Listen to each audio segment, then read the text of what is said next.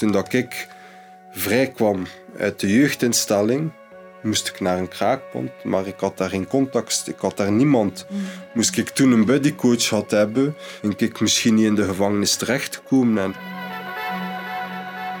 Hoi, Aurélie Boffeer. Ik ben de host van de podcast Snap je mij nu? Waarin ik in gesprek ga met eh, jongeren over thema's die belangrijk zijn voor ons. En af en toe zoom ik in op een merkwaardig verhaal of een merkwaardig persoon. Vandaag is dat Nick de Ridder. We kennen Nick van de vorige aflevering over detentie in België.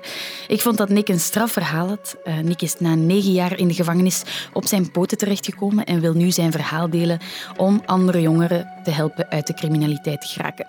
Welkom bij deze bonusaflevering van Snapt je mij nu?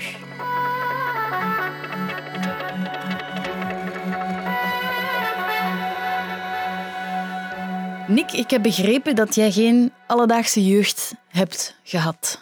Ja, dat is juist. Um, dus ik ben eigenlijk geboren in een wieg van uh, zwaar drugsverslaafde ouders, waardoor dat toekomstperspectief direct werd beperkt. Wat is jouw eerste herinnering? Um, geïnstitutionaliseerd uh, zijn. Um, geen ouders, geen liefde. Um, ik zat in een blij leven. Een instelling? Een instelling, een home in Bassenvelde. En dat is eigenlijk voor jongeren of kinderen van twee, drie jaar of vier, ik weet niet meer precies, waarvan dan de ouders niet, niet, niet in staat zijn voor vooral de kinderzorg te dragen. En ik zat daar op een kamer met twee. En uh, dat was een jongen die, ja, al 16, 17 jaar was of zo, of 15 jaar. En toen was ik zeven en die probeerde ja, een soort van seksuele handelingen met mij uit te voeren. Uh, die had een Gameboy en, en, en die vroeg aan mij van, als je met die Gameboy wilt spelen, die had zo'n streksje rond zijn slagsdeel gehangen, moest ik daar aankomen. Natuurlijk heb ik dat niet gedaan. Ik ben dan naar de opvoedkunde geweest of op de begeleiders. Hè. Ben dat wist gaan vertellen. En de reactie van die jongen was, want we zijn dan een confrontatie aangegaan, heeft hij gewoon heel zijn hoofd kapot geslaan op de tablet van het raam. Dus weet je, dat is iets dat mij wel eigenlijk is bijgebleven. Je bent van de ene jeugdinstelling naar de andere gegaan. Ah, ja, ik heb van mijn, uh, tot mijn vier jaar of zo uh, heb ik eigenlijk thuis gewoond. Maar mijn vader um, ja, was verslaafd aan drugs. Mijn moeder was weggevlucht naar Frankrijk. Maar, maar ja, mijn pa zat dan af en toe keer in een afkikcentrum of zo, waardoor dat ik dan naar Hofterlinde moest of, of, of, of, een andere soort van opvang. En wanneer ben je voor het eerst in contact gekomen met het gerecht? Uh, ja, op, op mijn twaalf jaar zeker, twaalf jaar. Op jouw twaalf jaar? Ja, toen dat ik negen jaar oud was, is mijn vader vrijgekomen uit de gevangenis.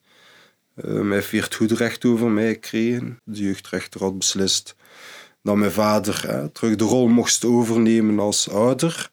En de, en de eerste jaren is dat goed gegaan. Ik had de stiefmoeder.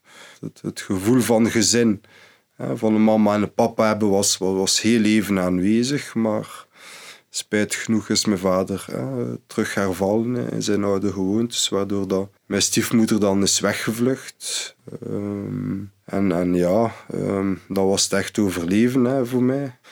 Maar mijn vader was uiteindelijk ja, ook slachtoffer van, van zijn drugsverslaving. En, en er was heel weinig eten in huis, um, heel veel drugs, wapens. Mijn vader was echt wel een zware jongen. Mm. En, en ja, op een duur, als er geen allee, uh, pedagogische opvoedingssituaties zijn en, en, en, en geen eten of, of, of mooie kleren, uh, ja, begon ik op straat te lopen. En stak ik ja, dingen uit uh, voor wel mee te kunnen doen met, met, met mijn uh, schoolkameraden of zo. Hè. Mooie kleren, uh, fila schoenen, Nike-broek. Ehm, Stelen dan, bedoel je? Ah ja, ik steelde. Hè. Had je toen door dat je schade aanrichtte? Nee. In het begin? Nee, totaal niet. Het, het, voor mij was dat echt overleven. En, en vanaf dan dat ik uh, terug mocht naar huis, was het echt schrijnende, echt schrijnende situaties. Hè. Ja, ik zag drugsnaalden uh, rondslingeren. Uh, alleen vooral die dopjes van cola met, met watjes in. In het begin vraag je af wat dat is. Maar ja, als kind zijn het nieuwsgierig. Dan begin je in schuiven te kijken ziet allemaal naalden liggen. En ja, uh, mijn vader was ook vaak uh, weg van de wereld door de drugs. Soms was hij vijf dagen uh, spoorloos, waardoor dat ik ja, alleen thuis zat. Ehm, ook heel veel agressie. Um, als hij op zijn afkik zat, ja, sloeg hij een boel kapot. Ik had heel veel schrik van mijn vader toen ik jong was. En dat zorgde ervoor dat ik mij begon te misdragen op school. Ik heb mijn tweede middelbaar niet uitgedaan. Uh, geen school in België wou nog. Ik had eigenlijk een heel zwaar jeugddossier. Uh, ik kon totaal niet om met autoriteit. De enige persoon waar dat ik naar luisterde was mijn vader uit schrik. Dus dat zorgde ervoor dat ik totaal niet ging luisteren naar, naar, naar de leerkrachten of zo. En wat vond jouw vader van wat je uitstak? Um, ja, of ik, ik pijs dat mijn vader toen ook in een periode zat van eh, ook zo'n je me fous. Um, ja. hij was ook heel diep verzonken in, in, zijn verslaving. En ik zag ook vaak mijn vader thuiskomen met stolen goederen. Dus mijn vader ja, had daar eigenlijk... Ja, ik werd daar eigenlijk niet voor gestraft. Um, als ik werd opgepakt voor een inbraak of voor een autodiefstal. Of, of, of... Maar je zou dan wel denken dat het feit dat je opgepakt wordt wel als straf dient. Of kwam dat niet zo binnen? Um, Had dat een impact op jou? Opgepakt worden? Mm -hmm. um, nee, eigenlijk niet.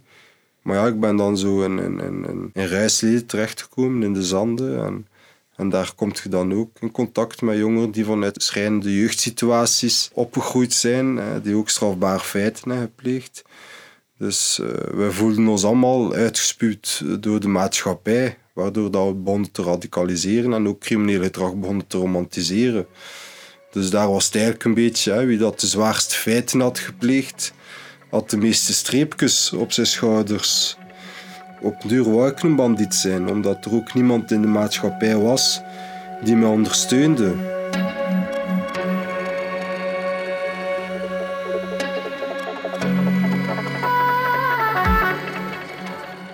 Wanneer is dat beginnen keren? Beginnen keren? Uh, ja. Is dat gekeerd? Ja, nu is dat gekeerd. Nu dat ik zelf een gezin heb, nu dat ik zelf kindjes heb, nu dat ik zelf verantwoordelijkheid moet opbrengen voor mijn pluskinderen en voor mijn biologische kindjes.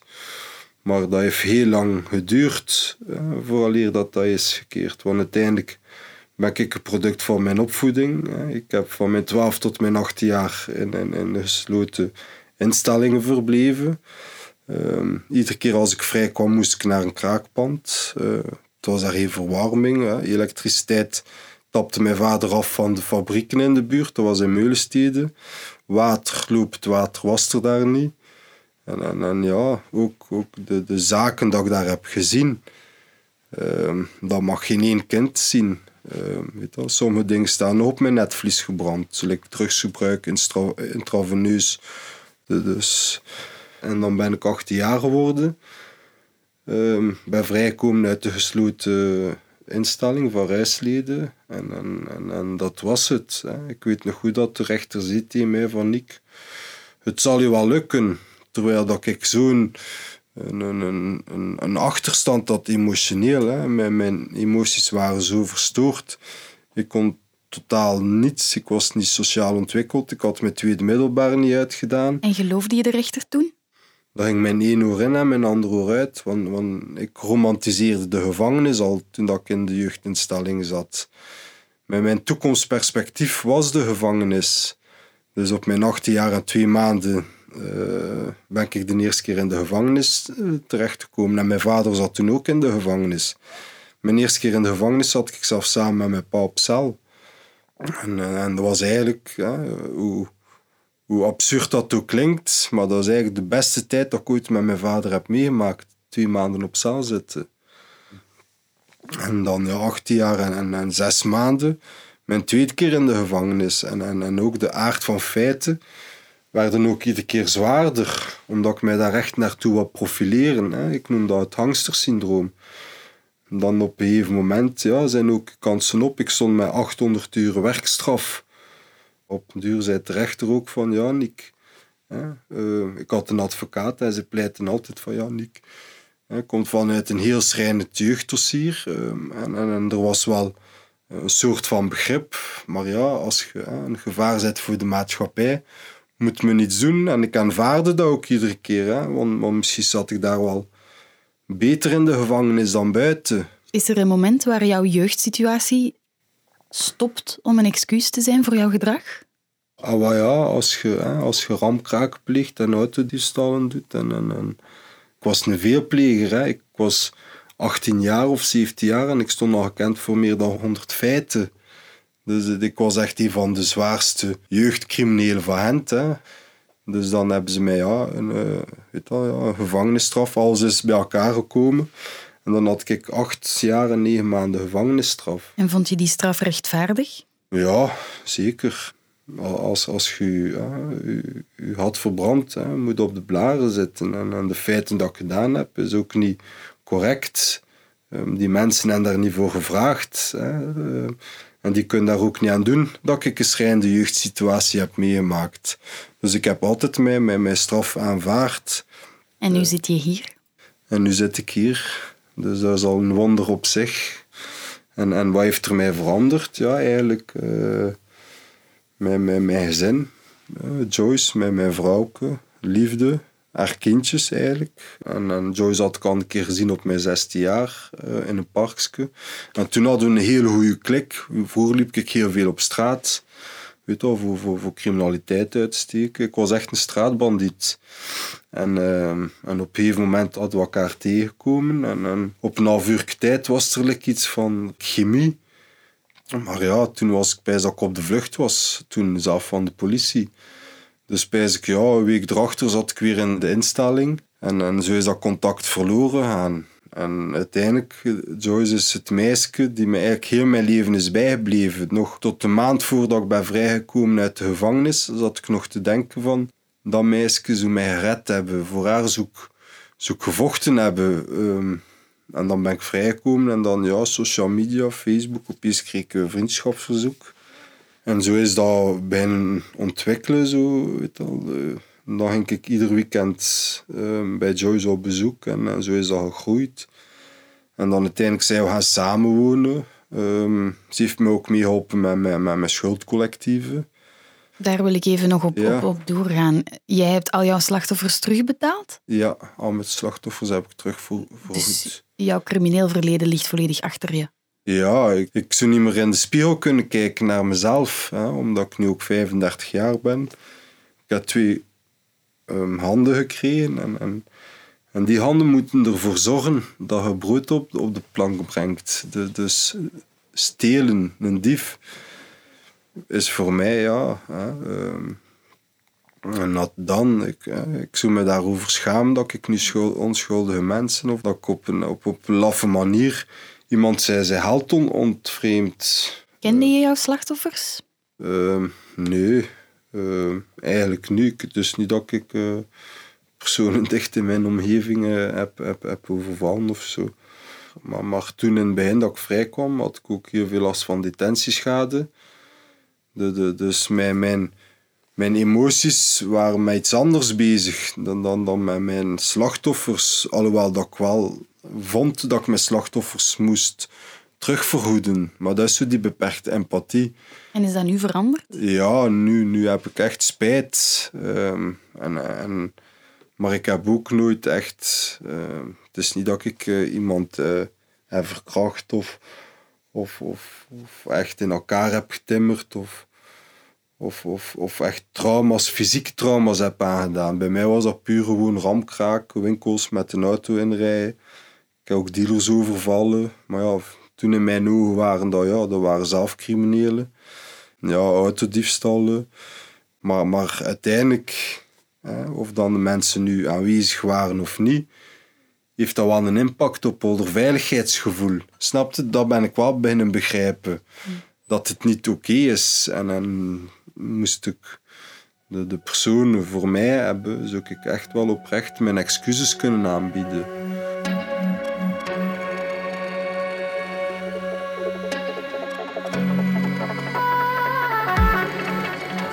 Hoe is het om met zo'n zwaar crimineel verleden door het leven te gaan? Mm, in jouw dagelijks leven? Voel je dat nog?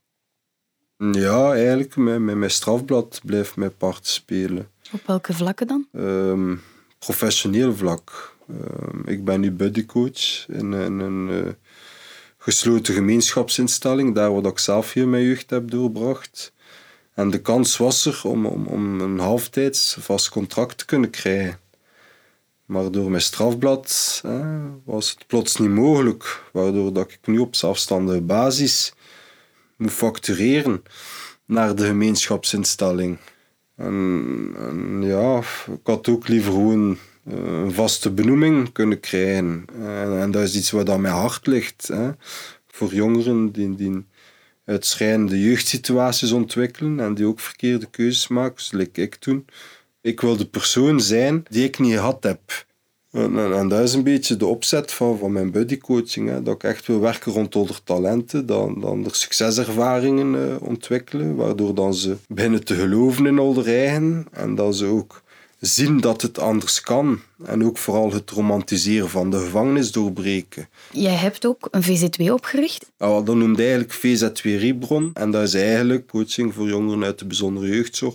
Ik ben ook van plan voor nog buddycoachen op te leiden. Ook allemaal ervaringsdeskundigen. Ook allemaal jongens die vanuit de jeugdzorg komen, die in de gevangenis zijn terechtgekomen. En, en vaak die jongens die in gesloten gemeenschapsinstellingen verblijven, geloven alleen maar onze woorden, omdat ze, dat is die ervaringsdeskundigheid. Als ik zeg van nee, de gevangenis is niet romantisch, um, uw leven staat daar stil, je gaat naar buiten met, met, met nog een grotere put van schulden, um, wat dat je doet is niet oké, naar je slachtoffers toe. Van mij geloven ze dat. En, en van de professionals geloven ze dat minder. Omdat de meeste professionals hebben een bacheloropleiding genoten of hebben, komen wel vanuit het geprivilegeerde achtergrond. Ja, en dat is gewoon die barrière. Heb je nog plannen voor de toekomst? Mm, ja, ik heb plannen. Ehm, ik wil graag in iedere gesloten gemeenschapsinstelling een buddycoach opleiden voor ook te doen wat ik doe. En ik wil ook nog andere buddycoachen ontwikkelen voor als de jongeren de, de instelling verlaten, dat ze ook iemand hebben voor op terug te vallen. Ik denk dat dat een van de grootste problematieken zijn. Want toen dat ik vrij kwam uit de jeugdinstelling, moest ik naar een kraakpand, maar ik had daar geen contact, ik had daar niemand. Mm. Moest ik toen een buddycoach had hebben die dagelijks mij opbelde van Nico had, hè, of die met mij mee ging werk gaan zoeken of naar sollicitaties, die mij het gevoel gaf dat het wel mogelijk was. Hè, een, vertrouwenspersoon ging ik misschien niet in de gevangenis terecht te komen en ging hij mij misschien gestimuleerd hebben voor wel die een job te doen. Maar er zijn heel veel schrijnende jongeren die niemand hebben. Uh, goede rolpatronen ontbreken. Dat ga jij doen. En dat wil ik ontwikkelen. Dan wens ik je veel succes met jouw project en met jouw VZW Ribron. Dank je wel om jouw verhaal te delen, Nick de Is goed. Merci, kus.